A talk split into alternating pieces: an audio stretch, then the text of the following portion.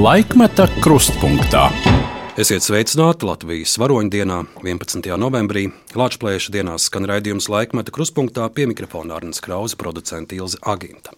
Uzvarēt var ar pašcieņu un savu mugurkaulu. Par paraugu ņemot tādus cilvēkus kā Lidija Droņina Lasmane, Gunārs Astra, tie ir mūsu varoņi, no kuriem būtu jāmācās. Tāda ir mana pārliecība. Šos vārdus pirms pāris gadiem intervijā ir teikusi dēls teātris aktrise Lidija Pupure, Un, ja vien sarunā būtu iespēja vēl papildināt šo uzskaitījumu, minēt vēl kādus mūsu laika varoņus, mūsu gadsimta lāčplēšus, pieļauju, ka Lidija Pupuru to vidū noteikti nosaukt arī savu māsas dēlu Konstantīnu Pupuru, kurš 1988. gada 14. jūnijā pirmo reizi Latvijas pēckara vēsturē iznesa mūsu sarkanbaltu sarkano karogu cauri Rīgai no brīvības pieminekļa līdz brāļu kapiem un jau drīz par to čeka viņu izraidīja no Latvijas. Es stipri, stipri priecājos par mūsu jauno paudzi, jo es redzu, ka tā ir garā ļoti radniecīga manai paudzei, atvērta un ļoti talantīga. Viņa tikai vēl jāiedrošina iet savu ceļu, atrast savu dvēseli un izprast brīvību, gara brīvībām. Arī tie ir aktrises Lidijas Pupurs vārdi, un man ir prieks, ka Tieši Latvijas dienās sarunai raidījumā Laikmet Kruspunktā ir atsaukusies dēls teātris aktrise Lidija Pupura. Lidija sveicināti! Labdien! 11. novembra vakarā ļaudis nu jau ierasti dodas uz krasmalu pie daudzas vecīšu sienas, un katrs aizdedzina savu. Kāds par mūsu senčiem, jauniem zēniem, kas stājās pretī brīvās Latvijas pirmajiem ienaidniekiem, kāds iededz sveci par saviem senčiem, kas par Latviju cīnījušies vēlākos gados dažādās frontēs, vai arī savu brīvas Latvijas sapni saglabāja aizmiegot Sibīrijā. Un kāds vienkārši atnāk uz krasmalu, lai sasildītos pie šī mūsu tautas stipruma apliecinājuma. Lidija, kur ir tie ļaudis, tie Mazie un lielie lāčplēši, par kuriem jūs piedomājat īpaši šajā dienā, 11. novembrī? Nu, protams, no manas dzimtas pēdējais, tas ir Konstantīns. Bet man ir jādomā par manu dzimtu, par maniem tēva brāļiem. Mans tēvs gan tā aktīvi šajā viņu interešu lokā neiekļāvās, jo Viņam bija bērnībā bijusi tāda atsteņas trauma, un līdz ar to viņš netika nedz armijā, un viņš tā lepojās, vai palīdzēja, vai balstīja vēlākajās dienās savus brāļus, kuri arī bija lieli patrioti. Onkls Jānis pat armijas cilvēks mūsu brīvajā Latvijā. Un, protams, visi tie likteņi, kas sagaidīja daudzus no šiem cilvēkiem. Un vispār man ir jādomā ne tikai par savējiem. Man liekas, ka šis spēks mūsos ir ļoti, ļoti liels, stabils, un tai pašā laikā, domājot par šodienu un domājot par to, ka mēs varbūt iegūstot savu neatkarību, citādā veidā esam arī paši līdzvainīgi. Pie viņas zaudēšanas, vairāk vai mazāk, vai nu ekonomiskajā, caur ekonomiku vai caur politiku. Nu, diemžēl tāds ir mūsu liktenis šeit, dzīvojot šādās krustcelēs, ja tā var teikt. Lidija, domājot par šodienu un par 11. novembri, svarīgi, ka krasmalā visas dienas garumā nāk arī jaunā paudze. Es tur redzu bērnu dārza grupiņas, es tur redzu pusauģus no, no skolām, nāk ģimenes ar bērniem. Par jauno paudzi un patriotismu. Nu, ir ļaudis, kas saka, ka nu, tiem, tiem jaunajiem jau nekas neinteresē. Viņiem neinteresē mūsu vēsture, viņi sēž tik savos telefonos un planšetēs. Tad citi gluži pretēji saka, kādas muļķības. Es zinu daudzus jaunus cilvēkus, kur iesaistās jaunsargos un, un interesējas par vēsturi. Kādu kād jūs redzat mūsu jauno paudzi un viņu patriotismu? Nu, mūsu tautā vienmēr ir bijuši gan tādi, gan tādi. Un šodien tas arī ir varbūt pat raksturīgāk, vairāk šī dalīšanās, kam tas interesē un kam tas neinteresē, kurš ir aktīvs, kurš, ir, kurš interesējas par mūsu vēsturi un kuri nē. Kaut kāda tāda dalīšanās. Padomju okupācijas laikā es domāju, ka mēs bij, bijām savā viedoklī, domās iekšēji vienotāki. Arī šajā jautājumā. Bet tas, ka mums ir jauki, gudri jaunieši, par to es nešaubos, un vispār, vispār interesējoties par savu tautu un mūsu vēsturi, es varu apbrīnot un, mekl, un vienmēr uzdot sev jautājumus, bet kur mēs esam šo spēku, šo individuālo spēku? guvuši. Ja? Un ziniet, pie kā es esmu arī tāds savās domās un pārdomās nonākusi? Ko mēs varbūt īsti pareizi nenovērtējam, un, un man vienmēr ir jādomā, kur mēs klūpam. Kāpēc mums neizdodas? Kur ir tā problēma? Mani tas vairāk interesē, ja?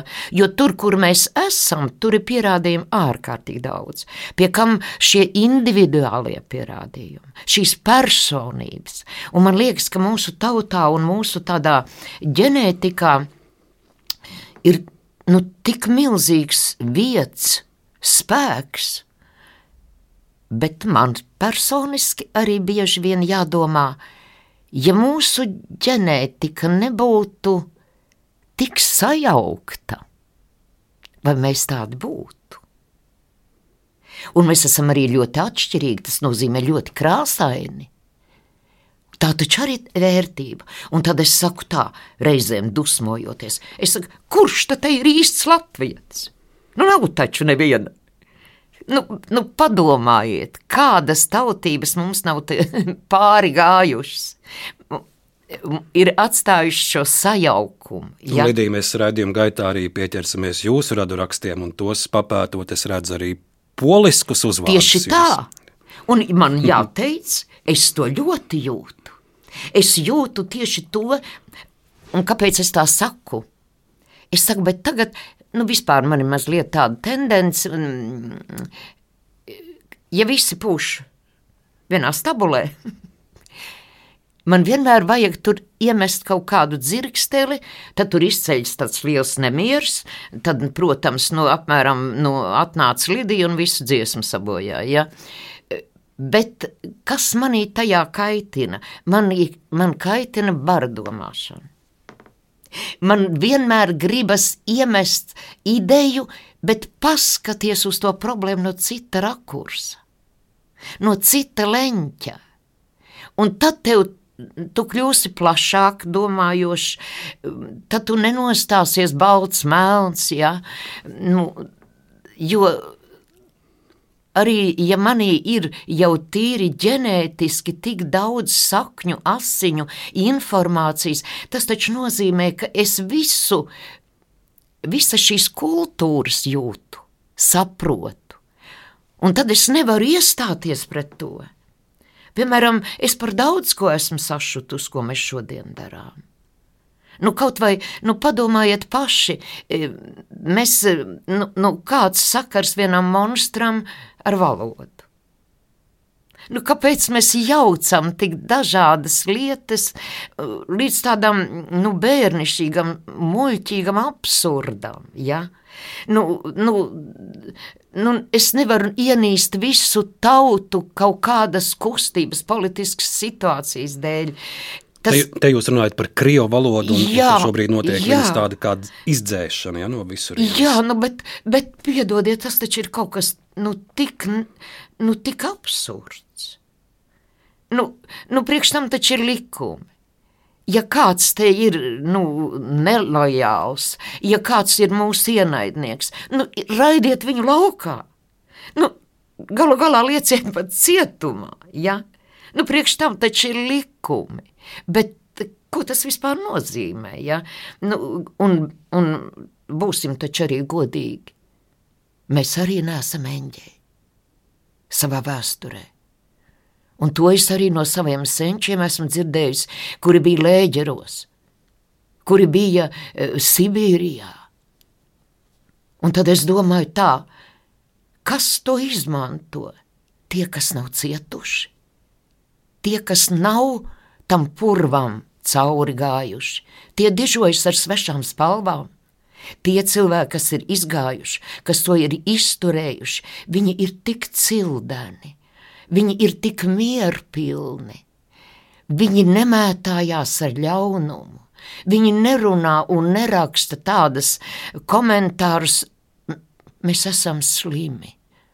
Es to saku ne dusmās, bet sāpēs. Lidija, mēs sākām sarunu par uh, mūsu jaunatni un patriotismu. Ikdienā jūs jaunos cilvēkus sastopat teātrī. Kādu jūs redzat uh, šo jauno paudzi, kādus uh, ļaudis jūs teātrī satiekat? Un, un interesants uh, fakts arī es skatījos jūsu 80. dzimšanas dienā, jūs izvēlējāties to nu, savā ziņā svinēt tiekoties ar jauniešiem, ar, ar, ar jaunajiem aktieriem. Jā, tas bija Tas atkal notiek kaut kā ļoti dīvaini. Šajā mm, jubilejas reizē es ļoti negribēju. Man vispār nepatīk šī, šī publiskā ārišķība, jo tur ir daudz, nu, kā lai es to pasaku, nu, formas pēc, pienākumu pēc. Kaut kādi smaidi, runas. Man tas viss biedē, man nepatīk tas. Ja? Man pat biedē. Un es ļoti negribēju, lai, lai kaut kas tāds būtu. Un jūs varat iedomāties, tā ar mani ir bieži noticis. Tad, kad es arī teātrī gribēju vienā brīdī aiziet no teātra, tad notika tieši tas pats numurs. Es pilnīgi nejauši sēžot mājās un ceļoties no kluba krēsla, salauz potīti. Un tā tad es tiku paglābta no tā, bet eh, nu, muzejā Jānis teica, nē, nē, tev ir noteikti jāatnāk, un mēs tev to izkārtosim. Un es piekritu, ka nevienam mēs nerādīsim man salauzto kāju un spieķis. nu, tad es biju ar mieru. Un tur jūs sastapāt jauniešus. Ka, Jā, kādus jūs es, viņus redzat? Es redzu viņus ļoti jaukus. Protams, dažādus, bet dažādiem jau ir jābūt. Nu, nu, ka, kas ir jaunība? Man patīk tā, ir tāds dzējols. Nu, sākumā ir es, pēc tam ir es un autors. Tad nāk posms, autors un es. Un beigās ir tikai autors. Tas ir ļoti raksturīgi. Tā mēs attīstāmies, tā mēs veidojamies. Vispirms šī interese, šī es, es apziņa, tad ir es pierādīšana. Un tad ir, un tas viss ir arī mūsu jauniešos, uh, Es redzu, daudzos ir ambīcijas, es redzu atšķirības starp savu paudzi, jo, diemžēl, nu, tā vēsturiskais tas periods, kurā mēs piedzimām, augām un veidojāmies, bija pavisam cits. Mēs bijām daudz bailīgāki, daudz nedrošāki, daudz ar lielākiem mazvērtības kompleksiem, biklāki. Um, nu, arī varbūt nobriedām lēnāk un vēlāk nekā šī jaunā paudze izmaiņu ir ārkārtīgi daudz, bet uh, es gaidu, es ļoti gaidu no jaunās paudzes, kuri aizrausies tieši ar latvisko. Tas jau nenozīmē izolēties no pasaules. Vai arī staigāt tikai prievītē? Jā, ne nekādā gadījumā. Nē, un tomēr apzināties, kas es esmu. Jo, ziniet, tad, kad mēs bijām ar izrādi Amerikā, Tas bija Gorbačovs laiks, tas tā, tā viņas tos laikus visādi raksturoja. Ja? Un uh, mani šokēja tas, cik ļoti svarīgi ir apzināties, kas tu esi, zināt savas saknes gan zemē, gan debesīs. Jo to nevar pierādīt, to nevar sataustīt, bet kā tas palīdz garīgi nedegradēties. Ja tu nezini, kur tu pieder, no kurienes tu nāc, kas tu esi, kāda ir tava nu, identitāte, kāda ir tava vēsture, tu faktiski nezini un nesaproti sevi.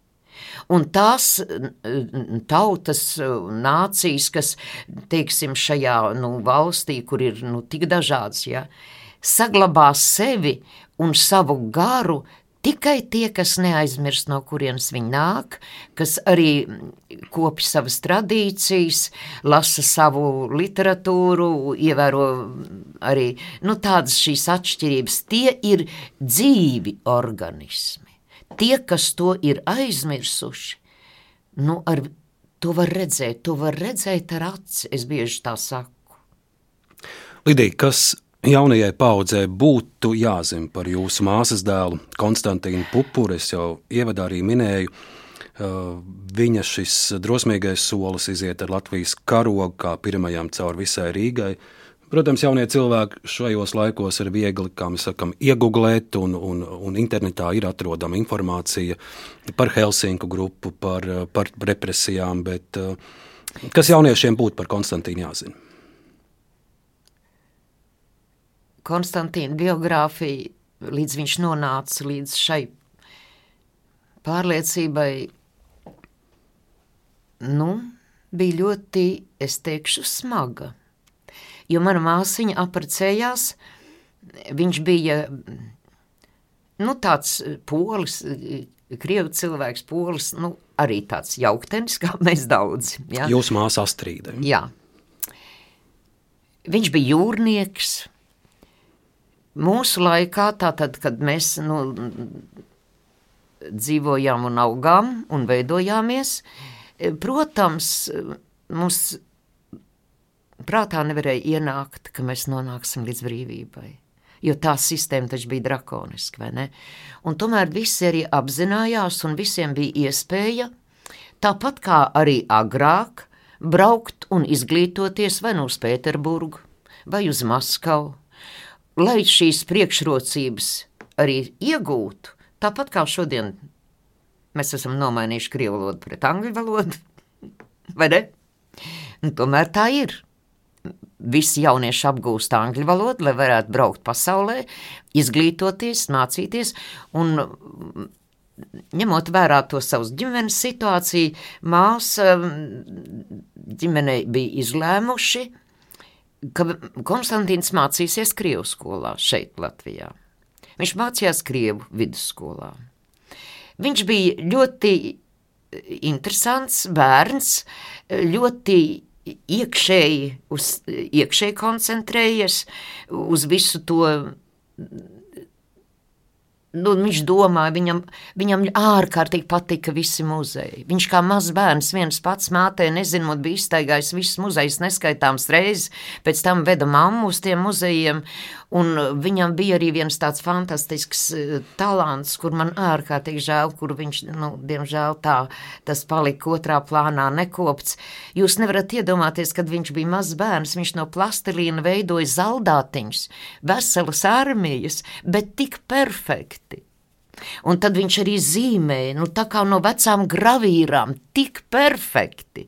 Un tā kā viņa vec, viena, nu, vecmāmiņa dzīvoja Kostromā, Tad viņi gribēja tur viņu sūtīt arī tādā mākslas skolā, kas ir ļoti slavena. Un viņš tur tik iekšā bez neapmeklējis nevienas tādas nodarbības, bet tā kā viņš vēl bija tik jauns un nebija pat pamatskolu beidzis, māsa viņu tur neatstāja. Nu, lūk, un tas beidzās ar to, ka tad, kad viņš aizbrauca uz Maskavu pēc armijas mācīties, un sa, sa, iepazinās ar visiem, nu, varētu teikt, disidentiem, jā, ar, visu to literatūru. Un kad viņš iestājās šajā nu, Istarīčeski arhivnī, ja, institūta, tā viņš saucās, jo viņš negribēja to gadu zaudē, zaudēt, un viņš ļoti steidzīgi darīja visu, lai jau tajā gadā varētu kaut kur mācīties. Un tad tur mācības notika arhīvos. Un kad viņš arhīvā atrada visus tos dokumentus par visu šo sistēmu, par visu to, kas ir nodarīts Latvijai, viņš izmisis patstāvīgi sāka mācīties latviešu valodu. Protams, man ir žēl, man, man bija un ir vēl joprojām žēl, ka viņš nu, līdz ar to nevarēja izbaudīt visu mūsu literatūru, ja, jo tik labi um, tajā laikā, vai ne, viņš to valodu nepārzināja. Tas bija tāds sprādziens viņa apziņā. Bet armija un viss šīs lietas viņu ir interesējušas jau no bērnu kājas. Kaut kāda šī ievirze. Ja. Un, Lidija, kā jūs uzzinājāt, ka jūsu māsas dēls ir, ir ar Latvijas karogu izgājis cauri Rīgai? Tā pašā dienā vai vēlāk jums izstāstīja? Nē, es arī tur biju. Oh. Es arī tur biju, jā kas ir atmiņā palicis no 88. gada 14. Jā. jūnija. Nu, milzīgs satraukums, bet tā vienotība, tā pleca sajūta, tas, jo viņi jau bija vienojušies, ka to nedarīs. Bet Konstantīns, viņam vispār bija tāda ārkārtīgi mm, asa intuīcija. Viņš bieži vadījās, tīri intuīcija, intuīcijas vadīts. Jā. Un viņš tomēr to saliek, saliekamo karogu bija paņēmis līdzi. Un tīri intuitīvi viņš jūt, ka tas ir jādara. Jā. Es, man ir tāda, nu, tāda īpašība, nu, tāda empātija, ka es ārkārtīgi bieži varu pilnīgi pieslēgties nu, tādā Eh, emocionālo vibrāciju līmenī. Ja es eh, to, kāda tā enerģētika bija gaisā, kāda draudzība, kad visi bija šokēti, ka viņš to izdarīja, un momentā ap viņu izveidojās loks, kas viņu aizsargāja. Jo čekisti var tur bija blakus. Nu, protams, protams, protams. Bet es esmu dzirdējis arī tādas ļoti jaukas mm, atmiņas, kā viņš sev aizstāvēja, kad viņu no universitātes slēdz ārā no mūsu universitātes. Maskavu viņš pameta tieši arī nonākot jau tādā uzmanības lokā, kā mm, citādi domājoši, ja tā var teikt. Un Vienīgais, ko es vienmēr, par ko es vienmēr uztraucos, un kas man tā sāpēja un, un biedēja, bija, bija viņa nu, pāremocionalitāte. Un to varbūt Lidija mēs eh, arī nedaudz šodien dzirdēsim, jo es vēlos, lai Latvijas dienā Latvijas radio šodien skan arī jūsu māsas dēla Konstantīna Pupura balss. Un, uh, Šis būs mazs fragments no viņa uzstāšanās pie brīvības pieminekļa 2011. gada 14. jūnijā, 13 gadus pēc tam, kad viņš pirmo reizi tur stāvēja Latvijas karogu un devās ar to no brīvības pieminekļa uz brāļu kapiem. Konstantīns Pupurs 2011. gada 14. jūnijā. Mīļā Latvijas tauta! Mēs šodien šeit esam, lai godinātu visus Latvijas iedzīvotājus, kas krita par upuriem bolševiku režīmām. Mēs šeit esam, lai godinātu arī tos, kas ar ieročiem rokās, kā arī citā veidā cīnījās par brīvu un neatkarīgu Latviju. Gods un slava viņiem! Toreiz stāvēja jau 88. gadā, 14. jūnijā, kad mēs gājām ar mūsu sarkano, sarkano karogu no brīvības piemēra līdz brāļkāpiem. Mēs arī sapņojam par brīvu Latviju. Mēs sapņojam ka Latvija reiz piederēs mūsu tautai, es atkārtoju, latviešu tautai. Bet šķiet, ka šiem 20 gadiem mēs atkal esam nostādījuši bavēru lomā. Jau 20 gadus par mums tirgājās. Un mēģina iznīdēt visu to, kas mums ir dārgs un svēts. Mūsu kultūru, mūsu tradīcijas, mūsu genofondu. Bet tas viņ, viņam neiznāks. Konstantīns Pupurs 2011. gadā. Nu, tā jūs varbūt tā pieminēta emocionalitāte, bet arī, bet arī liels patriotisms te dzirdams. Jā. Jā. Pirmās ierīnas jau vienmēr paveic savu. Un, diemžēl tā tālāka attīstība ir tāda, nu, mūžs sev padarījis, lai iet. Tas jau neatiec tikai uz Konstantīnu. Es neko negribu. Tā ir ar daudziem. Ne visus nosaukt, kur mēs kļūdāmies. Es jau pirmie teicu, kur mēs iekrītam. Es par to ārkārtīgi daudz domāju. Man par to ir jādomā gandrīz vai katru dienu, arī šodien. To, ka ir cerība uz, uz es ticu jaunatnē, es ticu, ka būs.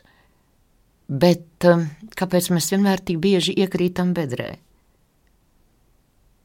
Arī tagad, un arī, kad es atceros visu to atmodas laiku, nu, nedrīkst tā uzreiz skriet atkal kaut kādā virzienā, neapdomājot, neizanalizējot, neizvērtējot, ar ko mēs esam atšķirīgi no šitām lielvalstīm. Ja? Kas mums ir jāsaglabā tieši šis individuālais, atšķirīgais. Es bieži saku tā, nu, mēs taču nu, daudz, viss tas, kas bija tajā okupācijas laikā. Mēs pasludinājām visu kā nederīgu, nu, vārdu sakot, ārā, un es saku, mēs izlējām vannu ar visu bērnu. Nevajag jaukt katrā mūsu tādā vēstures periodā, kad mēs neesam bijuši paši savi saimnieki, ir bijušas lielas vērtības. Un es domāju, ka mums ir jāiemācās viena lieta, nu, arī visi mūsu lielie dižgari ir mācījušies Pēterburgā. Nu, kur tik nav mācījušies? Ja? Man ir jāpateicas, ne tikai jānoliedz. Man ir jābūt godīgai, gudrai. Par to es saku paldies. Tam es protestēju, tam es nepiekrītu. Ja? Jo ir nu, šausmīgi daudz taisnību. Nojukt var ja nav savējās, teica Ziedonis. Ja? Un taisnība ir vieniem un taisnība ir otriem. Meklēt to zelta vidusceļu. Tas ir arī starp austrumiem un rietumiem, caur šīm civilizācijām. Es, man ārkārtīgi patīk, un es tīpaši iemīlējos Ravinranatā Tagorē, kad es izlasīju viņa biogrāfiju. Ja? Un es domāju, ak, Dievs, kā tas sasaucās ar mūsu, ar mūsu folkloru, ar mūsu tautas dziesmām. Nu, mūsu saknes taču arī ir tur. Sanskrists, ja? Un, un visa vēdu zināšanas, mūsu tautas dziesma, viss tas Un tieši viņš arī ļoti jau teica, ka ir jāmeklē šis vidusceļš starp rietumiem un austrumiem. Ir jāpaņem tas labākais gan no vieniem, gan no otriem. Un kā jau es iepriekš minēju, tieši ņemot vērā, ka mēs ģenētiski esam tik jaukti, mums nevajadzētu ieņemt tik, tik negudru attieksmi. Jā, patiesību pateikt arī mums vajadzētu uzdrīkstēties par saviem nedarbiem, par savām kļūdām. Kā mēs esam arī karavīgi, mēs cīnījāmies par, par savu neatkarību. Un tomēr mēs taču arī zinām, mēs zinām, ka mūsu cilvēki palika un palīdzēja tikt pie varas tai sistēmai. Saprotiet, cik tas ir dīvaini. Un visi šie darbi varētu vienmēr teikt tā apdomā, apdomā, ko tu dari, par katru tavu rīcību būs bumerangs. Un tas, kas notiek šodien. Es, piemēram, šodien neieņemu tādu kardinālu, asu nostāju vispār. Jo, lai es to darītu, es redzu, notiek kaut kas globālāks. Ne es to spēju aptvert, ne mums ēterā neskan dažādi viedokļi. Mūsu ēterā skan tomēr viens vienvirziens. Es to ļoti labi apzinos. Es lasu daudz ko, es skatos, daži to var uh, saukt par sazvērstības teoriju, bet mūsu Rainis ir teicis, ikvienā klausies. Ņem katra padomu, bet spriedi pats. Un spriedi nevis kādam par labu, bet globālāk, izvērstāk. Nu, kas tad šodien notiek pasaulē? Viena liela, liela pārvērtība. Mēs, bet tas ir tikai sākums. Vēl būs tik daudz sāpju, tik daudz bēdu. To taču mēs redzam. Un arī raugoties kaut vai uz Ukrajinu, protams, sirds sāp. Tas viss ir necilvēcīgi, tas viss ir briesmīgi, bet mēs taču esam tam gājuši cauri jau neskaitāmas reizes. Mums vajadzētu kaut ko no tā visa mācīties.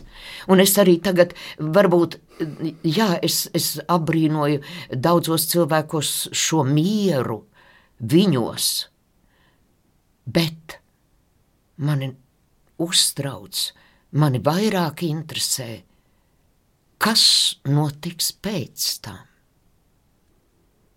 Tāpat kā mēs ieguvām neatkarību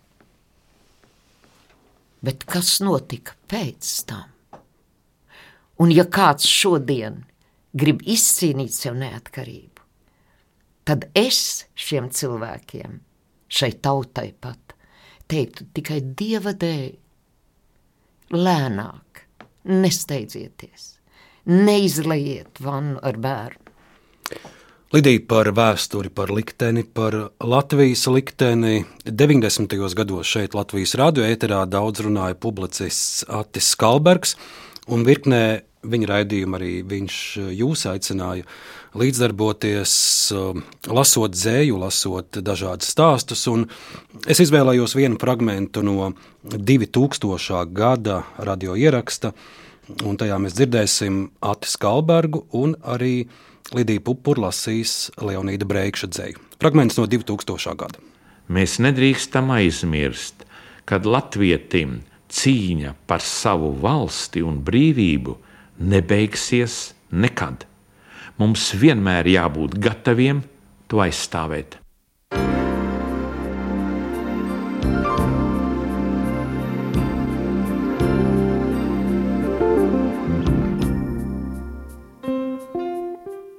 Leonīds Breikšs, Latviešu lūkšana.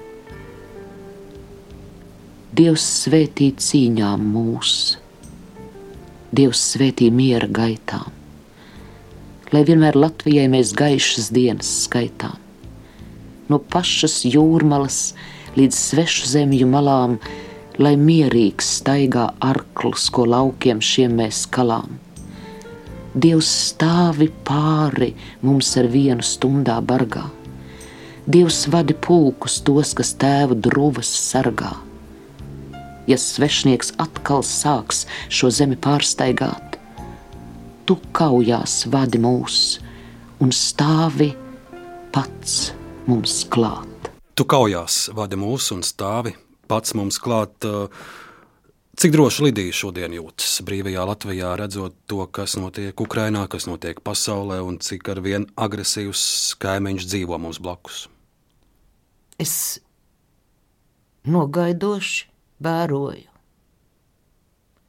un saku, jāsaglabā miers pirmām kārtām sevī.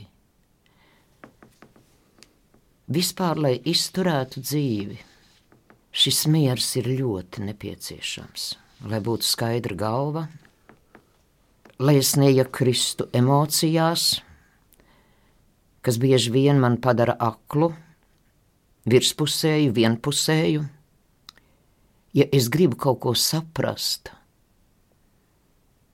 un palikt stipra, es vēroju un esmu mierā. Un saku to visiem, lai neklausās no rīta līdz vēlai naktī ziņas, kas satrauc, kas biedē.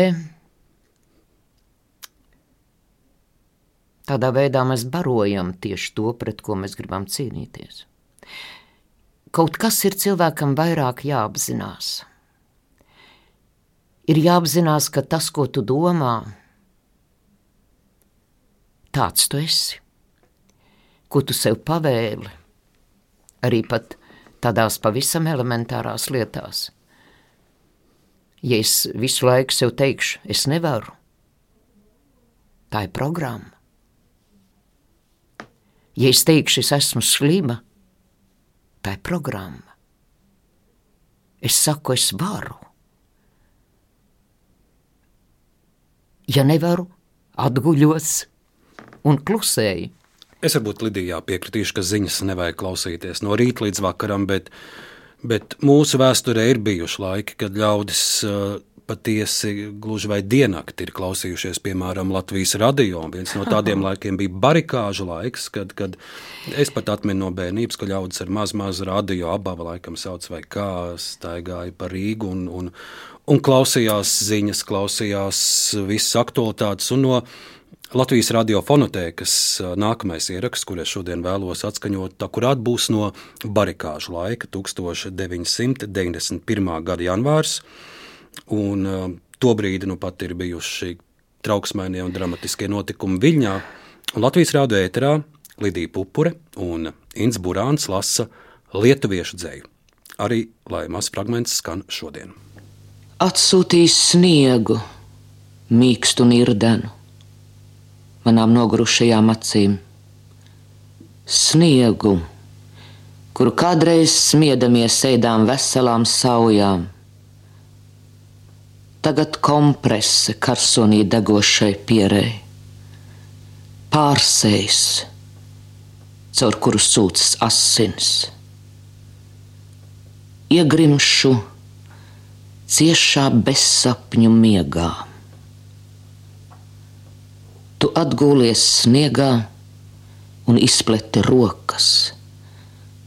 Palika spārnu nospiedums sniegā. Mēs sazīmējām. Tur eņģelis brīdi bija atpūties. Lidija, vai šis ieraksts jums ir palicis prātā? Doma laukums, janvāris, 91. gads. Bet tie bija visi iedvesmojoši, pozitīvi, augšup ceļoši raidījumi, enerģija, un tā bija ļoti noderīga visiem. Bet man jāteic arī, es esmu izgājusi cauri un līdz visiem, visam šim laikam, un tur ir bijuši tādi kāpumi un kritumi.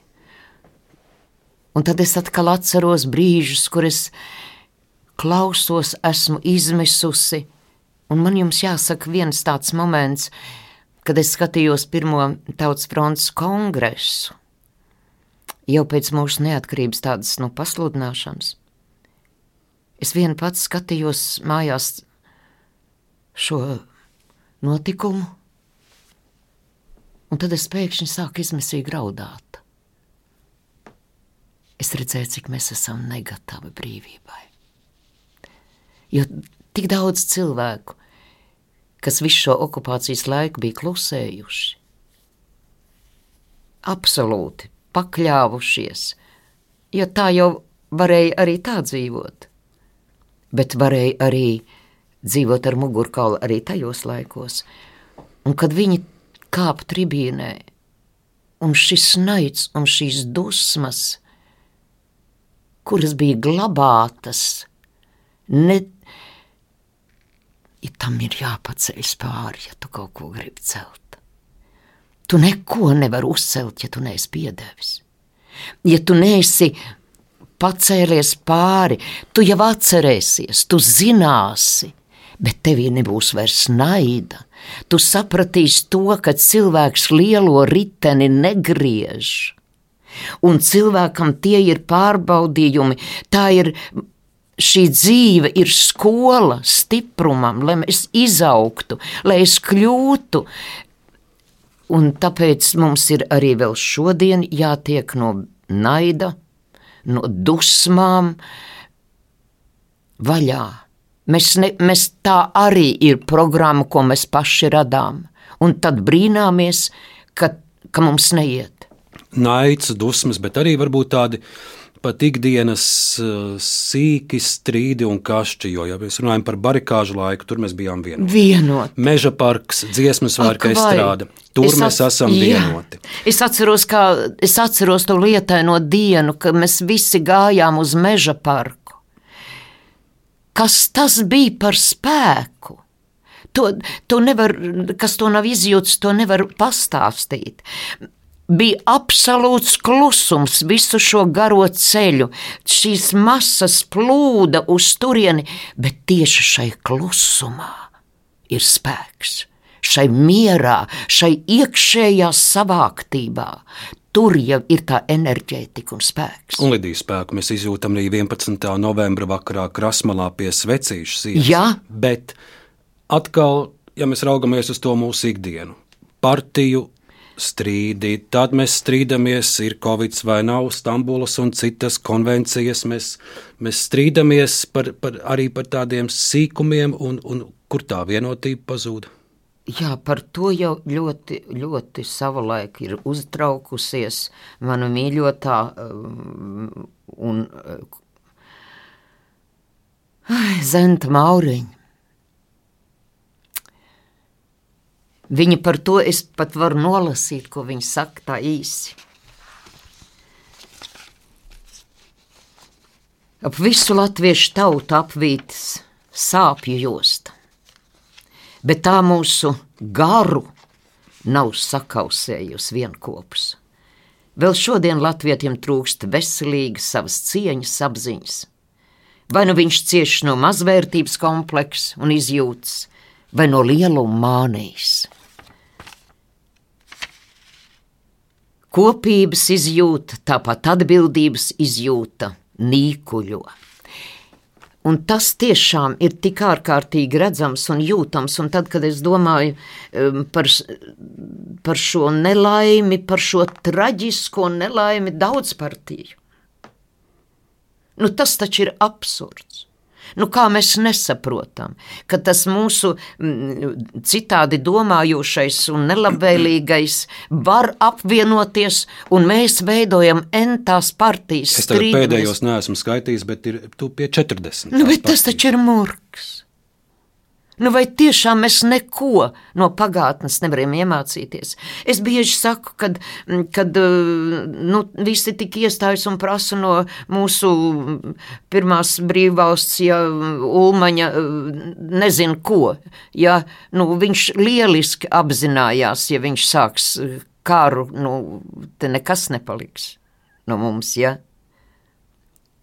Un ko tad viņš pirmkārt izdarīja? Viņš likvidēja šo daudzpartiju murgu. Jo eh, tieši tās pašas problēmas mēs varam lasīt brigaderu, mēs varam lasīt breikšu, mēs varam lasīt skalbi. Mēs izlasām tajos tieši to pašu. Kad tu lasi viņu materiālu, šķiet, ka tu lasi par šodienu. Ja kāds to nezina un netiek pieminēti vārdi, tad varētu pilnīgi tā domāt. Mēs netiekam tam pāri. Es vienīgi Lidiju piebildīšu, varbūt pat labāk, ja ir daudz partiju murgs nekā ir vienas partijas murgs, kuru mēs tik daudz gadus pieredzējām. Jā, bet, bet atkal man gribas teikt tā, nu beigsim, tā ir pagātne. Saprotiet, nu ir arī šī viltība jāsaprot. Un kāpēc tev cilvēki nesaprot? Kāpēc mēs turpinām, 30 gadus mēs turpinām nepārtraukti piesaukt iepriekšējo sistēmu un vaininiekus, ja? Bet jūs saprotiet, kas notiek? Cilvēka apziņā notiek tas, ka viņš neredz, kur viņš šodien aizved. Viņam liek runāt par vakardienu, par mirušo priekš mums lai viņš neredzētu, kur viņš tiek varbūt šodien vests, ir jābūt gudrākiem. Ir jābūt gudrākiem. Mēs, iegūstot neatkarību aizgūtnēm, sākām celt rietumu vakardienu, un tā ir drausmīga kļūda. Tā ir vakardiena. Viss tas, ko viņi mums te dod, vai, vai paši mēs, un ko mēs ieguvām, Mēs nebijām, mēs taču nedzīvojām uh, miegā, mēs nedzīvojām mucā iespundēt, mēs dzīvojām un attīstījāmies vienā laikā. Un ja šai sistēmai bija jākrīt, un jātīrās un jāmainās, tad tas pats attiecas arī uz rietumu pasauli. Un mēs ceļam viņu vakardienu. Tā nedara neviens saimnieks. Mēs pazaudējām visu. Mēs, mēs okupācijas laikā bijām, Latvija bija rietumi, mūs uzskatīja kā rietumu pasauli, mūsu kultūras, morāls dēļ, ja tas, ko mēs ražojām. Jā, nebija veikalos, bet tas taču ir cits jautājums. Toties katru dienu ešaloni gāja uz Krieviju ar super brīnišķīgu produkciju. Mēs varējām aiziet uz meža parku, uz izstādi un skatīties, ko mēs patiesībā ražojam, kas, kas tiek eksportēts. Lidija šobrīd piedāvāja no padomu laikiem pārcelties uz vēl senākiem laikiem, jo šī būs tā sadaļa raidījumā, kad es mēģinu arī palūkoties, ko par raidījumu viesi var atrast senču rakstos un radu rakstos. Un Lidijas sākšu ar jūsu mammu, Moniku, viņas meitas uzvārds ir Kivliņa. Un patiesībā tur tā pētīšana bija ļoti vienkārša, jo kāda Laura Zvirbula, vai jūs pazīstat tādu? Nepazīstu. Viņa visticamāk ir kāda jūsu radiniece, jo, jo šī Laura Zvirbula ir pamatīgu internetā jūsu dzimtas koku izveidojusi. Pa jūsu mammas līniju te var atrast vismaz uh, sešās paudzēs jūsu vec, vec, vecmāmas un vec, vec, vec un, un arī Māmas meitas uzvārds tā tad bija Kivliņa, un te var redzēt arī senākos pašus jūsu senčus Kivliņus, kuri pat dzimuši 1700. gadu otrajā pusē. Tas, tas senākais ir Ādams Kivliņš, un, un jā, jums būs interesanti, es pēc raidījuma parādīšu, te ir, te ir aptuveni, ja es tā kopā saskaitu, apmēram 600 vismaz 600 dažādi jūsu senči ir atrasti un piefiksēti. Un, es ceru, ka daži pieteiksies. jā, varbūt arī, jo te ir te tie uzvārdi, ar ko es redzu, ir gan ratinski tādi jā. bija dzirdēti. Jums, jā, tādus jā, esmu dzirdējis. Trīzna, piemēram, uzvārds, tad ir no jūsu senčiem. Uh, nu, jā, te ir arī tādi uh, poliskāki, arī tā kā, tā kā šo es jums parādīšu. Jūsu mammas dzimtas koks ir pamatīgi, pamatīgi izpētīts. Vai tas man būs ļoti interesanti. Un mammas, mammas tētis uh, bija vārdā Donāts. Jā. Tā, tā ir tā līnija, jā, te, te ir visi, visi, visi sīkākās detaļās. Bet man bija interesantāk pašam, ko es varu pameklēt, palūkoties tieši par pupurlīniju. Un, un, un, un jūsu tētis, Pēters Pupurs, nu, es sākšu ar vienu dokumentu, ko es atradu. Pase, vai jūs atpazīstat pases īpašnieci? Tad tālāk ir fotografija. Jā. Un tā ir? Tā ir mana mamma. Un jūsu, jūsu mamma un šo kundzi vai jūs atpazīstat? Veronika, mana vecmāmiņa. Ak, kungs, cik viņa bija tiešām harizmātisks, stiprs cilvēks. kas viņi izgāja bēgļu gaitas Pirmajā pasaules eh, kara laikā līdz pat Ķīnas robežai. Tā es esmu dzirdējusi stāstām. Viņas vīrs eh, šajā ceļā saslim un nomira, viņa palika ar trim bērniem. Un tad es atceros vienu tādu viņas stāstu, kas man ir iespiedies atmiņā kā, kā piemērs, no kur man vajag smelties, ko es nedrīkst aizmirst. Man tādi daudzi ir bijuši mm, gadījumi, kuri dod savu nospiedumu tik spēcīgi, ka man liekas, to es nedrīkst aizmirst. Tas, tas man kā vadzvaigzni jāpatur. Un, un tad viņa stāstīja, ka, protams, tur uz tās Ķīnas robežas nav taču ko ēst, un trīs mazi bērni, un, un viņi visi gāja pāri robežai kaut ko tur pirkt, lai atkal šajā pusē varētu pārdot. Un viņa visu iespējamo bija, kas viņai bija, tur bija realizējusi. Nu, un, protams, ar to čičuņu čau, un nu, ko, nu, tur atkal kāds pieprasījums mm. bija šajā pusē. Un viņa saka, un tagad man ir, eju pāri robežai, un bieži vien tur nebija pārbaudas, un ir šī pārbauda.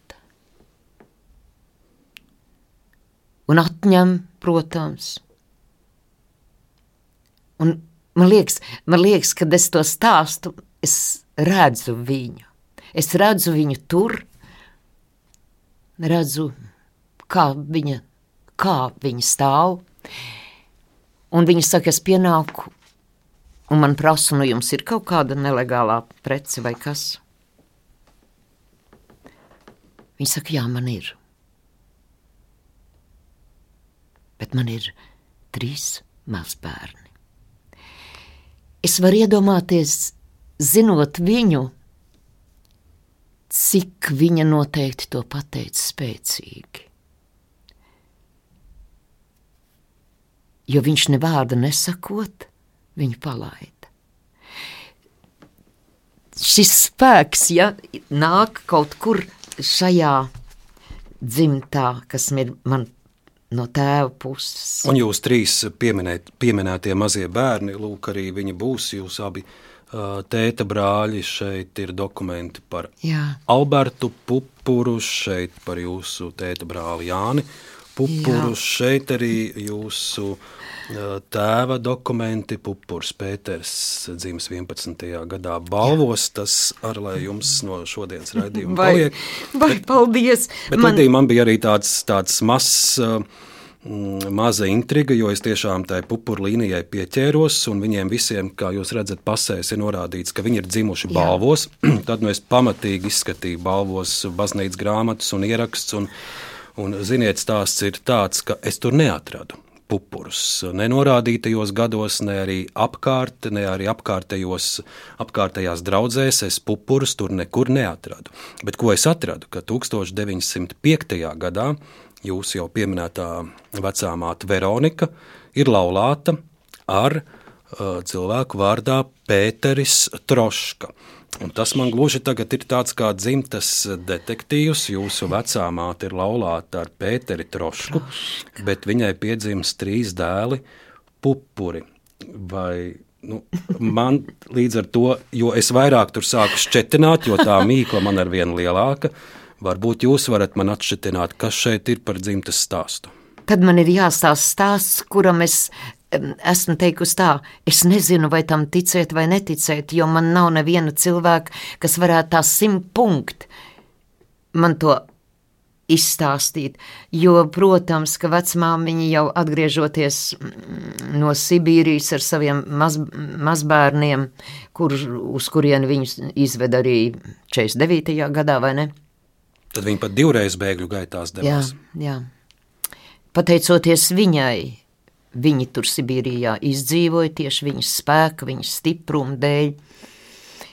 Un viņai kaut kā nu, neiznāca šādus jautājumus uzdot, jo pēc tiem visiem pārdzīvojumiem tik maz mums tika manai paudzei stāstīts, ja? nu, dažādu apsvērumu dēļ.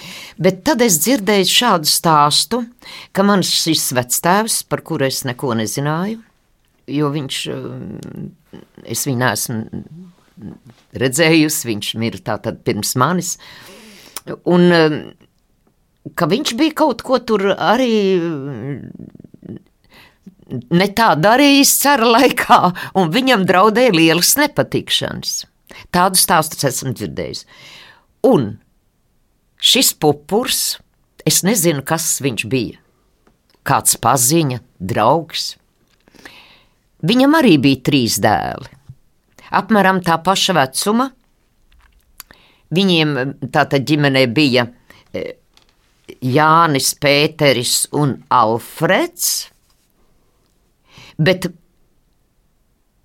bet mana vectēva ģimenē bija Jānis, Pēteris un Alberts. Nu, F pārtaisīt par B nav problēmu. Un šī ģimene emigrēja uz Ameriku un iedeva savus dokumentus manam vectēvam. Hmm. Un tā viņš izvairījās no cara represijām par saviem nodarījumiem.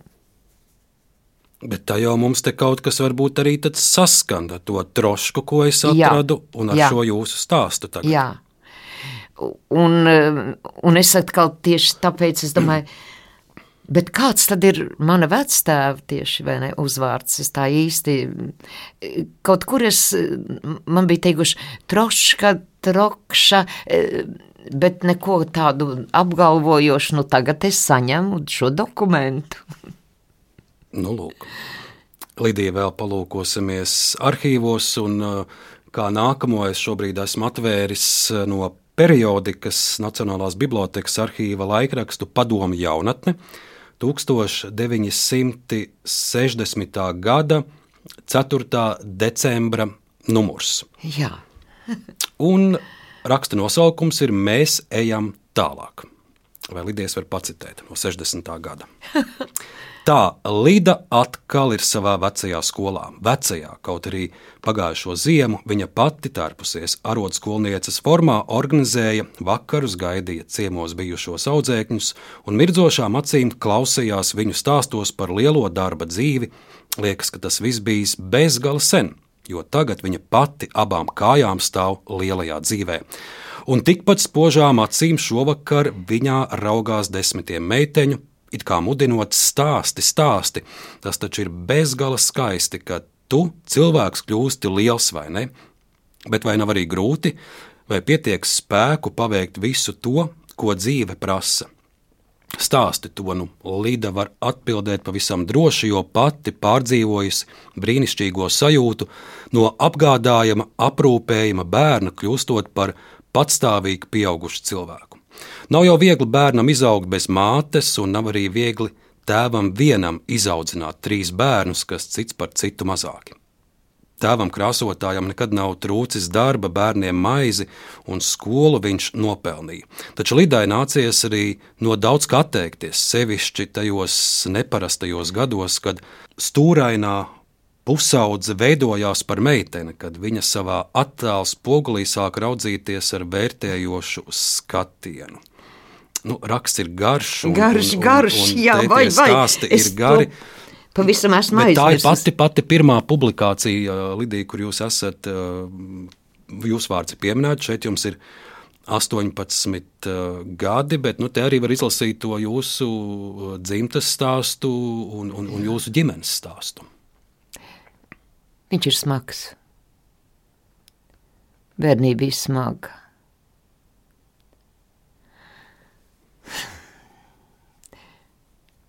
jā, viss šis kara laiks un, un arī visi tie likteņi. Vispār no pārdzīvojumiem un no tāda ļoti tāda konkrēta gadījuma arī um, trieciens, ko saņēma man mamīt. Um, viņai, viņa saslima ar nerviem, Un tad sako viss, tad sako nepa, gan viņas ģimenē, ar viņas mammu. Tur nodeg māja, asunē, un tur kaut kādas arī nepatikšanas, un arī neskaidrības un, un, un ļaundarības. tēvam, tātad abi brāļi lēģeros. 49. gadā es atceros tieši mani brālēni ar savu mammu un manu vecmāmiņu Veroniku atbrauc pie mums uz pārdaugavu, lai nosvinētu Uldiņam, manam jaunākajam brālēnam, divu gadu jubileju un nakts vidū piebrauc Melnā Verta pie mūsu mājas pārdaugavā, un visus viņus aizveda. Es ļoti atceros šo nakti. Kaut ko mēģināja darīt, vai vismaz runāt, bet nu, tie izpildītāji jau neko nevar palīdzēt. Un, lai vismaz vecmāmiņa paliek šeit, bet acīm redzot, liktenis un dievs labāk zina, kā ir, lab, kā ir vēlams un kā vajag būt. Un viņa aizbrauc līdz tātad saviem diviem mazbērniem un viņu mammai Tomaskas apgabalā Ņedastupnī ciemā. Protams, pēc Staļina nāves un visām tām rehabilitācijām un viss, kas nāca, vai ne, viņi, viņi atgriezās, bet, um, bet izdzīvoja, viņi atgriezās dzīvi un Un, un visas šie pārdzīvojumi, kas, kuriem ir iets cauri ģimenē, un vēlāk atkal viss tas ar Konstantīnu. Un tas, tas to nav viegli izdzīvot līdz, bet, lai nu kā, ja tu to spēj, tas dara tev stiprāku. Lidija, un es turpināšu vēl ar mazu fragment no šī raksta padomu jaunatnē 1960. gadā. Puspiecos pēc pusdienas Lida varēja sevis ceha durvis, atstājot aiz tām domas un rūpes par darbu. Tagad jādomā par citu, par lielo aizraušanos, kam pēdējos divos gados meitene atdevusi visu savu brīvo laiku. Par teātri. Katru dienu no pulksten pieciem līdz deviņiem vakarā Lidija mācās Raņa Dailas teātras studijā, mācās runāt, dejot, dziedāt, atveidot visdažādākos tēlus, visdažādākajās situācijās. Šī aizraušanās sākās arotskolām, varbūt tas bija liels režisors Elzas Baltais vilks nopelns, kas mācīja meitenēm raudzīties uz nodarbībām dramatiskajā kolektīvā kā uz lielu, nozīmīgu darbu. Tā ir. Vai redziet, redziet, cik tas būs dīvaini. Droši vien, varbūt, ka daudz man protestēs vai kā. Bet es par savu dzīvi arī tajos laikos, ko mēs saucam, un kas bija okupācija, es teikšu, ka iespēja bija daudz.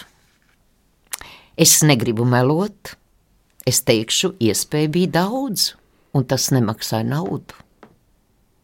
Vajadzēja tikai interesi, atdevi, un tad, kad es pēc pamatskolas nonācu šajā arodskolā, jūs nevarat iedomāties, es biju tā kā, tā, tā kā no ķēdes norausies.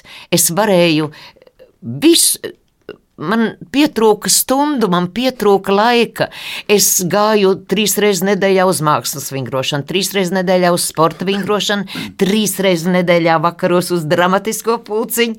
Es izbraukāju mm, Tallinu, Viļņu, Maskavu ar izrādēm. Lidija iespēja bija daudz, bet uh, dzīvē jau ir nepieciešams arī tādas laimīgas sakritības, un saprotu, viena no tādām ir, ka ka režisors Pēters Petersons Absolut. jūs pamanīja um, skolā uzstāju, vadot, vadot vienu sarīkojumu. Ja, tā, tas... Tas, bija, tas ir mazliet pat komiski, jo Es vispirms sākšu ar to, ka viss tas, kas ar mani dzīvē ir noticis, un, un ka es esmu nonākusi līdz teātrim, un vēl joprojām uh, tur strādāju, un ka tā ir nu, pamatā mana vienīgā darba vieta. Seš, tagad jau darba stāsts ir milzīgs. Nē, tā nav vienīgā darba vieta. Es esmu vēl strādājis desmit gadus mm, kultūras darbinieku tehnikumā, jaunībā, un pasniegusi skatuves runu, un arī vēl vakar skolā, arī desmit gadus, atkal pavisam ar citu kontingentu, un citā laikā, un citā savā vecumā. Tā kā man ir arī ļoti daudz tādu, tādu pieredzi. Bet toreiz es saku, man Dievs to tā aizveda. Man bija pat izvēle neiet tajā rotskolā, jo kāda ģimene gribēja,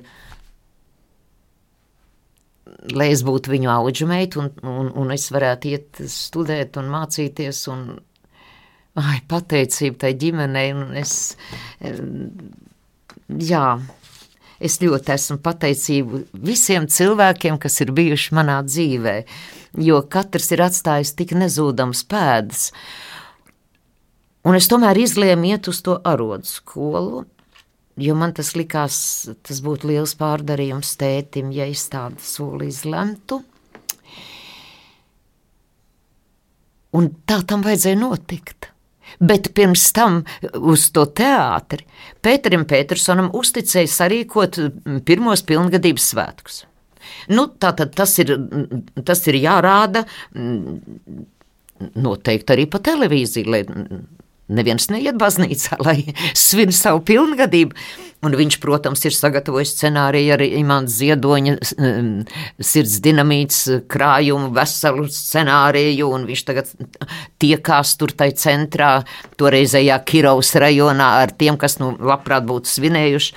Un viņš konstatēja, ka neviens nu, tur vispār lāgā muti nevar atvērt, lai realizētu viņa skaisto, gudro scenāriju. Un viņam saka, neuztraucieties, te blakus vienā skolā mācās tāds skuķis, mēs viņu pasauksim, viņš jums visu izdarīs.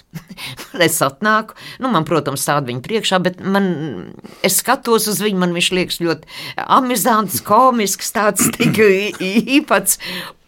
Un es laikam palaidu garaus, kas viņš īsti ir. Un, viņš, un es amizējos par viņu visu to laiku, kamēr mēs nu, tur gatavojamies.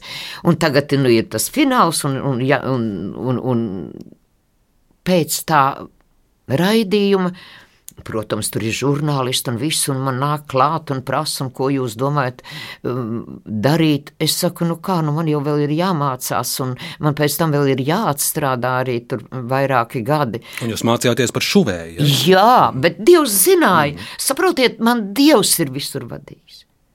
Es pat esmu pretojusies, tad viņš man tā kā ar bomu iesit pa galvu un, un aizved kaut kur citur.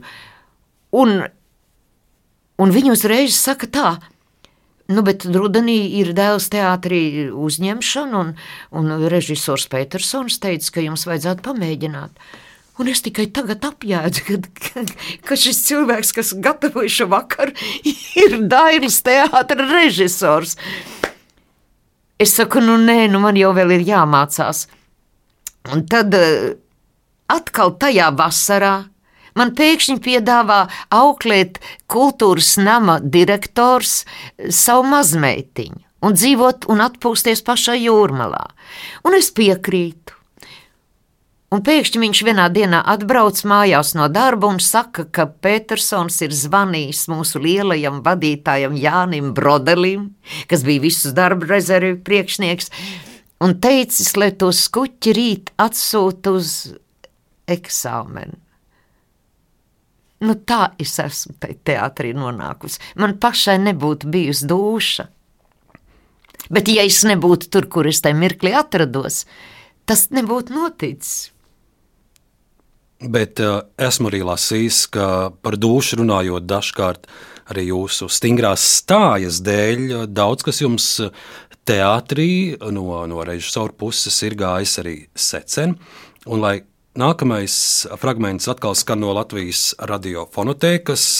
Tas būs raidījums, literāra kompozīcija Lidijai Pupurei 50, 1992. gads, un šīs kompozīcijas autore Alda Briede.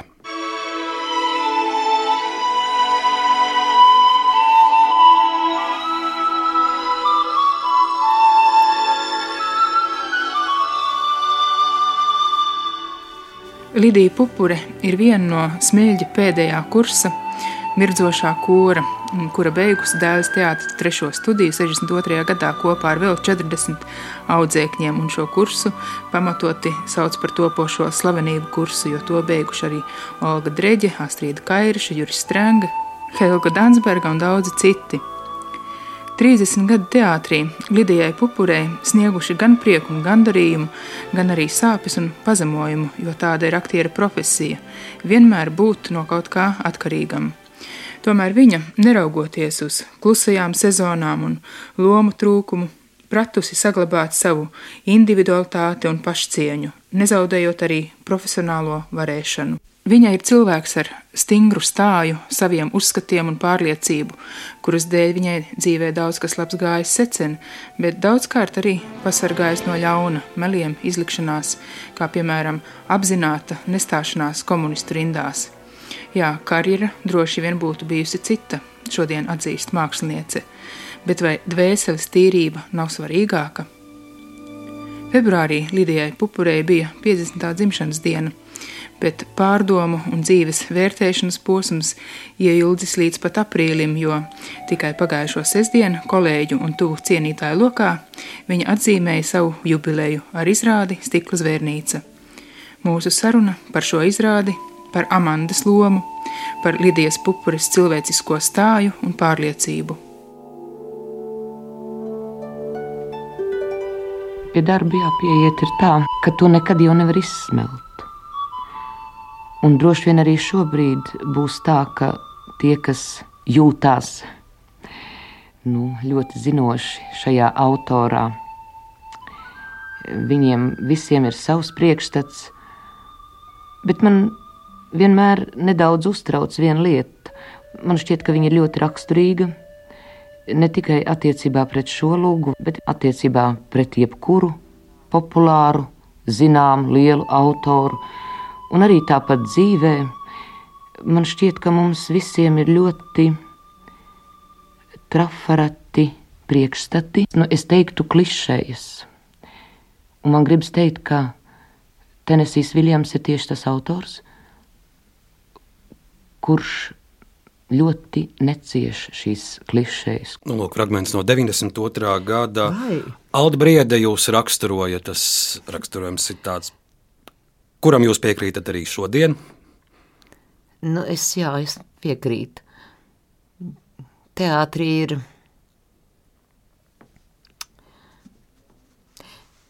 Mēs jau esam pārdzīvojuši ārkārtīgi daudz dažādus mm, laikus un vadītājus, un, un katrs vadītājs, kā mēs smejoties kādreiz sakam, nāk ar savu slotu un, un, un uh, ar saviem principiem, ar savu pasaules uztveri.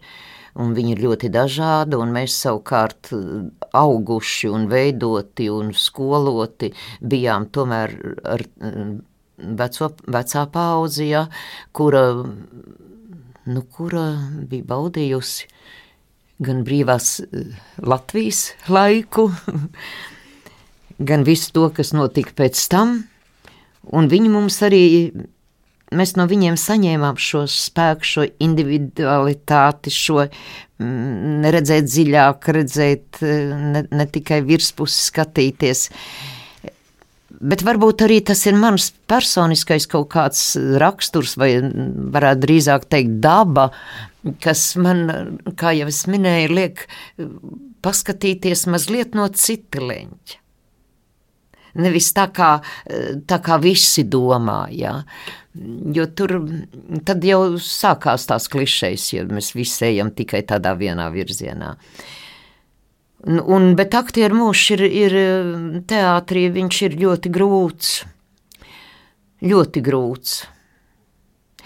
Tev ir jāsamierinās, tā ir ārkārtīgi atkarīga profesija. Un, protams, ir brīnišķīgi tie nu, režisori un tāda vadība, un kur, nu, kur arī režisors, kā teica Ertnere, ka režisoram vajag izkust aktieru izpildījumā un skatoties izrādi, lai viņš neredz tik ļoti to režisora roku bet dzīvo līdz tam visam notikumam. Nu, šobrīd es domāju, ka mēs katrs gribam spīdēt ar, ar, ar savu tādu redzējumu, un domāšanu, un veidu un manieri. Un tad aktierim tā piedalīšanās ir tāda mazāka. Viņam ir tikai jāizpilda. Ja? Tad reizēm pazūd tas, ka es arī esmu radoša personība un ka man ir tā loma uzticēta rēķinoties ar manu individualitāti. Un kad tas režisors grib redzēt, kā tad es to tēlu redzu un jūtu. Un, un, tas eh, agrāk varbūt bija vairāk raksturīgi, tagad mazāk. Un tad es arī vēl saku, neviens jau nezina to trako darbu, kā tas top. Visus tos pārdzīvojumus, ka tev neiznāk, ka tev neizdodas, ka, tu, ka tev netiek uh, dots darbs, kurā tu vari profesionāli augt. Un par šo Lidiju arī vēl viens citāts. Tas būs no 92. gada laikraksts Diena. Gunas Zeltiņas raksts, uh, un tā nosaukums viena no pēdējās romantiķu paudzes, raksts par Lidiju Pupuru. Un uh, šeit ir viena sadaļa, kur es arī gribu nocitēt uh, par tiem posmiem, kurus aktieri nereti pieredz, kad ir tā sauktie tukšie gadi, un kad lomu nav. Rakstā ir uzskaitījums 70. gados, īpaši 70. sākumā, ko jūs esat spēlējusi, un tālāk ir citāts. Taču turpmāk aktrise teātrī bija notiesāta uz mēmumu. Cik gan viegli veiksmēji un labvēlībai teātrī sako aktiera neredzēšana, nevērība pret to vienaldzība, kas gan ir jāizcieš tam, kurš var sevi gandarīt tikai ar īsām ielekšanām saslimušo kolēģi vietā. Lidija Pupure sakoda zobus un nodīja mēteli, kad reiz viņa bija nodarbināta tikai kādā epizodē. Tolēk viņa koncertēja, lai saglabātu formu, piedalījās nelielās lomiņās Rīgas kinostudijas filmās, radio, televīzijā, strādāja par runas pasniedzēju. Tas, ko es dzirdēju Aldis Briedis arī iepriekš raidījumā, ka, ka iespējams eh, viens no tiem iemesliem bija, ka, ka Lidija Pupuri spītīgi nestājās, piemēram, partijā. Citas jūsu kolēģis eh, to, to darīja. Kā, kādi bija tie tukšumi Nē, iemesli? nē, nē. E, Es nedomāju, ka tur bija Ka tas tas bija galvenais iemesls. Kaut gan viss tā situācija bija tāda, nu, es pat arodskolā, jo arodskolā mācoties, visiem bija jāstājas komjonatnē, ja, un, un bija vesela tāda, bija tāds viens posms, ka visās skolās visa klase un vienā reizē, un, nu, nu aplam, nu, muļķīgi, ja. Bet es biju tik ļoti aktīva, Tajā skolā, nu, kā jau es minēju, ko es visu tur darīju, un mm. ko es skrēju, un ko es apgūvu prieku pēc. Un tagad nu, arī ir šis, šī pavēle stāties tajā komjonatnē. Un visa mana klase, un ne tikai mana klase, saka tā. Bet Lidija ir tik aktīva un priekšzīmīga un noderīga šim cēlajam solim. Un, ja viņa to nedara, mēs arī nedarīsim. Nu, jūs varat iedomāties. Tagad man jau nav, es pasaku, nē. Viņa izsauc man trīs gadu vecāko māsu, kur ir vecāka par mani tikai trīs gadus. Un mēģina caur viņu mani pierunāt. Mm. Un gandrīz jau skan tā doma, apmēram tāda, vai nu komjonatne vai skola. Un tagad nu, viņi visi ir izmisuši, un es saprotiet, es, esmu, es redzu, ka ir izmisusi arī tā vadība. Tie skolotāji, kas man, no manis to prasa, ja? es arī redzu, cik viņi ir nelaimīgi, ka viņiem tas ir jāprasa. Un es ļoti labi atceros, es cēlu beigās, kad nu, vēl tur ar manu māsu izrunājušies aiz slēgtām durvīm, tagad nu, visi man atkal, kā saka, mazgā galva. Es saku, ja jums tik ļoti to vajag, es to varu izdarīt. Bet tikai negaidiet, ka es mainīšos. es darīšu to pašu, runāšu to pašu, ko līdz šim. Un, protams, arī teātrī, kadra daļa arī bija jāatskaitās stūrmājai. Nu, mēs to arī ļoti labi zinām, vai ne? Un, un nu, viņi man izvirzīja par deputāti. Es biju kāds trīs gadus centra rajonā, tur Kiro rajonā, kā viņi toreiz sauc. Tautas De, deputāti. Tautas deputāti. Tur bija arī, jā, nu tur arī bija vēl kultūras cilvēki un viss. Un tagad viņa nākamā reizē beidzās viss tas posms, viņa grib atkal, lai es, nu, lai es palieku, lai nav ķēpa, nu, ko tur atkal meklēt jaunus cilvēkus. Un es tai savai kadra daļai, kas ir stūrmājs, arī nu, viņai, viņai tur ir jāatskaitās. Jā. Es saku, es kategoriski atsakos. Es saku, tā taču ir vispār tāda ķēmošanās. Es eju, es visu reģistrēju, es interesējos, es rūpējos, kā viņiem tur iet, kas viņiem tur trūkst. Es visu to aiznesu, bet nevienam, neviens taču to nelieks par to nezins. Nekādas izmaiņas nenotiek. Es saku, tas ir pilnīgs ākstīšanās, es at kategoriski atsakos. Viņi bija, protams, šokēti par to, jā. Bet piedodiet, šodien taču to pašu arī varētu teikt. Bieži vien. Tā kā es uzskatu, un nē, nē. Tur vēl partijā stāties, tajā laikā es teicu tā, ah, man padomu prasīja savā laikā kantānausmu. Un, jo viņi bija izdomājuši, ka viņi stāsies partijā, un tad viņi varēs daudz ko palīdzēt un daudz ko tur mainīt. Un es viņai saku tā, tu zini, nu, ja tu strādātu jaunatnes teātrī, kur ir gudzuks, un kāda ir tur saprāšana un attieksme pret to. Izstāstiet manai paudzei, kas ir gudzuks. Tas bija direktors ah. jaunatnes teātrī. Arī Spānijas karā viņš tur bija ņēmis dalību, var sakot, nu, nu, kuram nav sagrozīta galva, kaut arī viņam ir tā, tā, tā partijas mhm. vai, vai nu, karte kabatā. Tādu taču bija daudz. Nu, galu galā padomāsim, Igaunijā mudināja stāties partijā, lai būtu sava vara. Bet es jūs pārtraucu un, un pārtraucu stāstu par Ausmu un viņas stāšanos partijā. Kā tur beidzās? Viss? Jā, nu tur es viņai teicu tā, nu, ja, ja tur būtu tāds domājošs kolektīvs mm -hmm. ar tādu vadītāju, nu tad es vēl teiktu, ka tu vari stāties šobrīd es tev neieteiktu. Bet viņi iestājās. Nu, es, nē, un, un, arī, un arī tāpat jau ar tā mūsu šodienas partijām. Es jau arī tur biju kādu mirkli. Ko es, protams, nenožēloju, es sapratu tikai vienu, ka man tas pilnīgi nedara. Es nevaru balsot, kā baram liek, kā kolektīvam liek. Man ir savs viedoklis. Es nedaru partijai. Un, un tad es bieži saku tā, ja man būtu jāsēž saimā, es jau 50 reizes iekšēji būtu pakārusies. No šiem konfliktiem, sīkajiem un strīdiem, un nē, nē, nē. Bet Lidija no šodienas vēlreiz pārcelsimies uz, uz nu jau pieminētajiem 60. gadiem, 60. gadu sākums. Es skatos, ko tika Lidija Pupura nedara. Viņa mācās arotskolā par šuvēju, viņa mācās dēlas teātrī par aktrisi. Un 60. gadu sākums Lidija Pupura filmējas arī kino. Jā, jā. Ai, šī karjera varēja būt lielāka ja nebūtu šie trakie noteikumi, kurus mācoties studijā, arī nu, galvenokārt Erika Fērda, ja viņa teica, vai nu kino vai studija.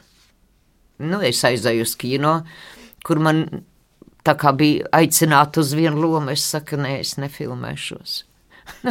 Un to jau arī var saprast, kas tam skuķim galvā, ko viņš tik iedomīgs. Ja viņa atnāk, visi grib un viņa atsakās, bet nu, tāda noteikuma bija.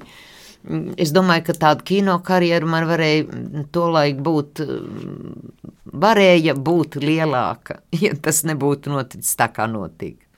Lidija, gatavojoties mūsu šodienas sarunai, es noskatījos divas filmas. Viena tapusi 1961. gadā. Vēlna Ducis, jeb krieviski Čortova Džužina, un otra filma 62. gads Rīgas kino studija diena bez vakara. Nu, šodienas raidījumā, lai skan uh, fragments, un, un arī vēlāk uh, klausītāji to redzēs no filmas Vēlna Ducis. Tā ir jūsu pirmā debija, var teikt, Jā. kino. Un, un, un, lai ļaudīm ir priekšstats, uh, filmā ir stāsts par to, ka vilciens Rīga Maskava, kāda pasažiera, kādai pasažierei sākas dzemdības, ārste, kas visu ceļu runājusi par humānu attieksmi pret cilvēkiem, atsakās palīdzēt, Un tad no nu, dzemdības pieņem vilciena pavadones, mašīnisti un pasažieri. Vilciena pavadones lomā ir Lidija Pupura, bet es redzu, ka šajā filmā piedalās arī vairāki jau ar Jā, lielu vārdu. Jā.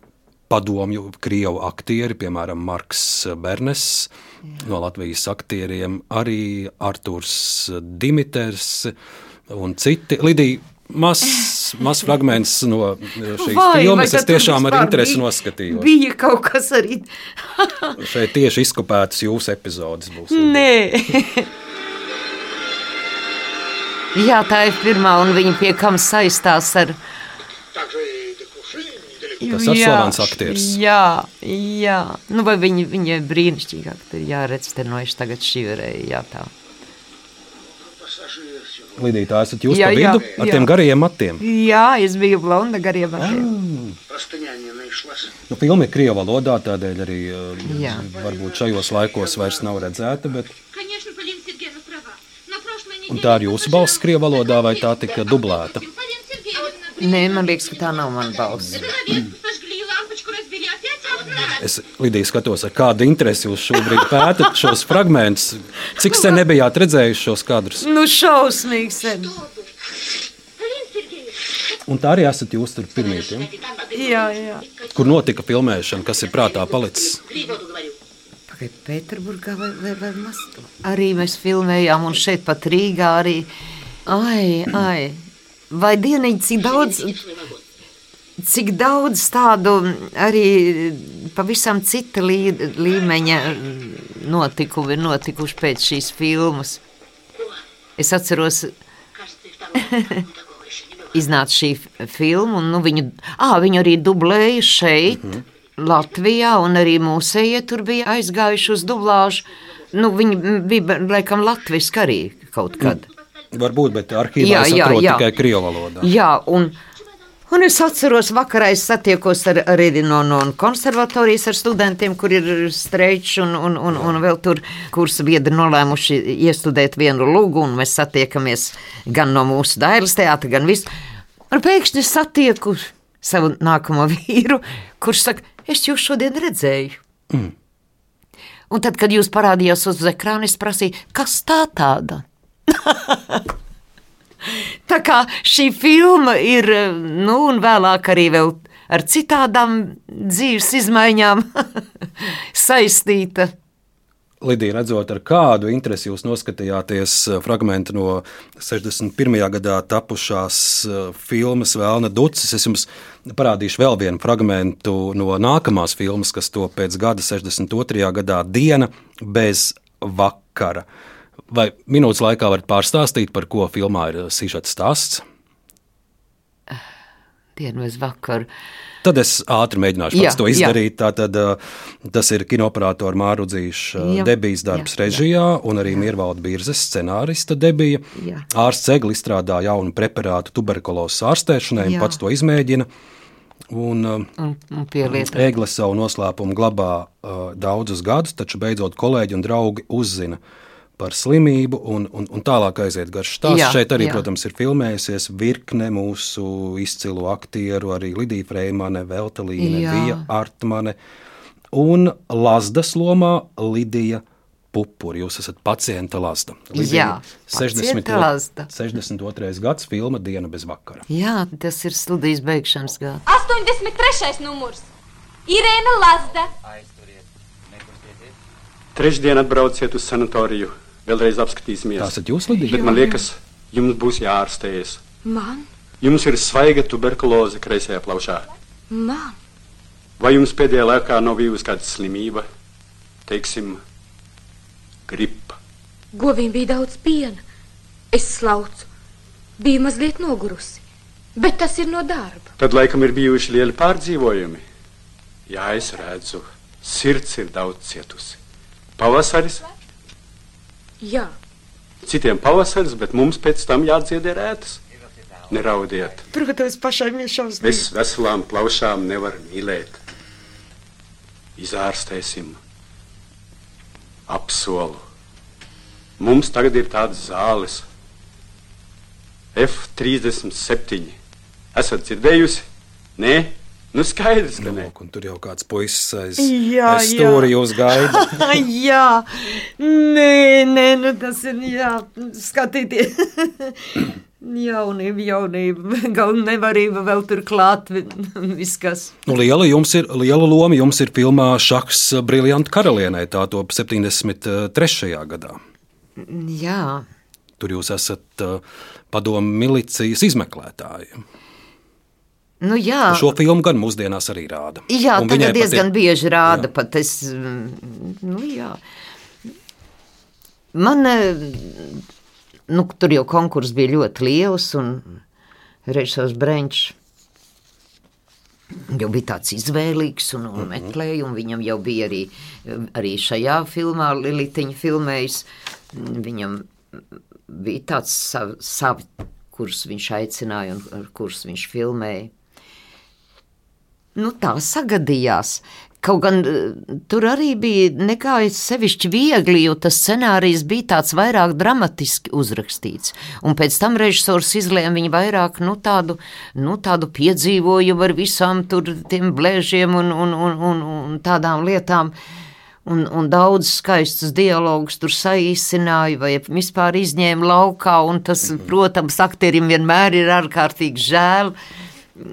Bet eh, tas, jā, nu, šī pieredze Nu, ir. žēl, ka tas kino posms jums, uh, cik es redzu no Nacionālā arhīva, viens šīs trīs filmas, arī Jā, ir pārējās ir tāds, epizode, bet Lidija toties Latvijas radio fonotēkā ļoti bagātīgs ir jūsu darbs un, un dažādi radio lasījumi, un uh, jūs esat runājusi arī Zentas Mauriņas, Montas Kromas Jā. dzēju, arī Billi Vīsmas Bilševits lasījusi, bet šodienas raidījumā es vēlos, lai izskaņā izskan uh, jūsu lasījumā Ārijas Elksnes dzēju. Mhm. Un šis būs fragments no 1996. gada režisora Antonija Apele un iestudējuma nosaukums Visu mūžu manī grūst ilgas. Ārijas Elksnes dzēju lasa Lidija Pupure. Mans pirmais aizlaustais kliedziens, sīks punktiņš laikā un telpā. Un otru punktu reiz pieliks mana pēdējā dziestošā elpa. Tad starp šiem diviem punktiem varēs novilkt svītriņu smalku. Šī svītriņa būs mana dzīve, mans smaids, mana balss, manas alkas bet kamēr nav otra punkta, vienalga cik grūti man klājas, es līpu pie dzīves kā bite līp pie zieda ar medainām kājām. Un kamēr nav otra punkta, kā čurļoņa zvans es skanu, pa izbrīnā pavērtām acīm bars cīruļu ielido manī. Un kamēr nav otra punkta, es gribu redzēt, kur esmu, no kurienes vakaros vēji ved pelēkos mākoņu vezmus un kamēr nav otra punkta, man jāzina un jāapjauž, kādi spēki ap mani un manī kā magmats sev ceļu lauž. Un kamēr nav otra punkta, man ir savs lepnums un griba, sava dzimtene, sava tauta, savs darbs un mīlestība. Un kamēr nav otra punkta, es esmu ļoti daudz es esmu no mūžības rokām izkritis dzīvības grauds. Man ir savs lepnums un griba, sava dzimtene, sava tauta, savs darbs. Lidija Pupura, Lidija, es jums saku ļoti lielu paldies par mūsu šodienas sarunu un tikšanos 11. novembrī Latvijas dienā. Paldies, paldies jums! Ak, Dievs, paldies par. Nē, es vēl kaut kas man ir jāizdara priekš manas dzimtas. To es kaut kur pēdējā laikā tiešām ļoti, ļoti jūtu. Un pēc šodienas raidījuma jums būs atkal jauni pavadieni. Jā, un man pat ziniet, cik jocīgi. Man gribās viņiem visiem savējiem, kā es saku, tagad, kad viņi vairs nav, rakstīt vēstules. Kam pirmajam jūs rakstītu? Nu, protams, mammītei. Bet visiem, ko es rakstītu, es rakstītu, es tur atvainotos, lūgtu piedošanu, bet galvenokārt pateiktos. Katram par daudz ko. Un par daudz ko mēs arī šodien Lidiju jums sakam. Paldies, aktrise Lidija Pupure. Lielas paldies! Pie Latvijas radio mikrofona bija Arnēs Krauss, producents Ilza Aginta, par skaņu gādāja Reinas Budze, un paldies arī Latvijas Nacionālajam arhīvam. Turpiniet klausīties Latvijas radio!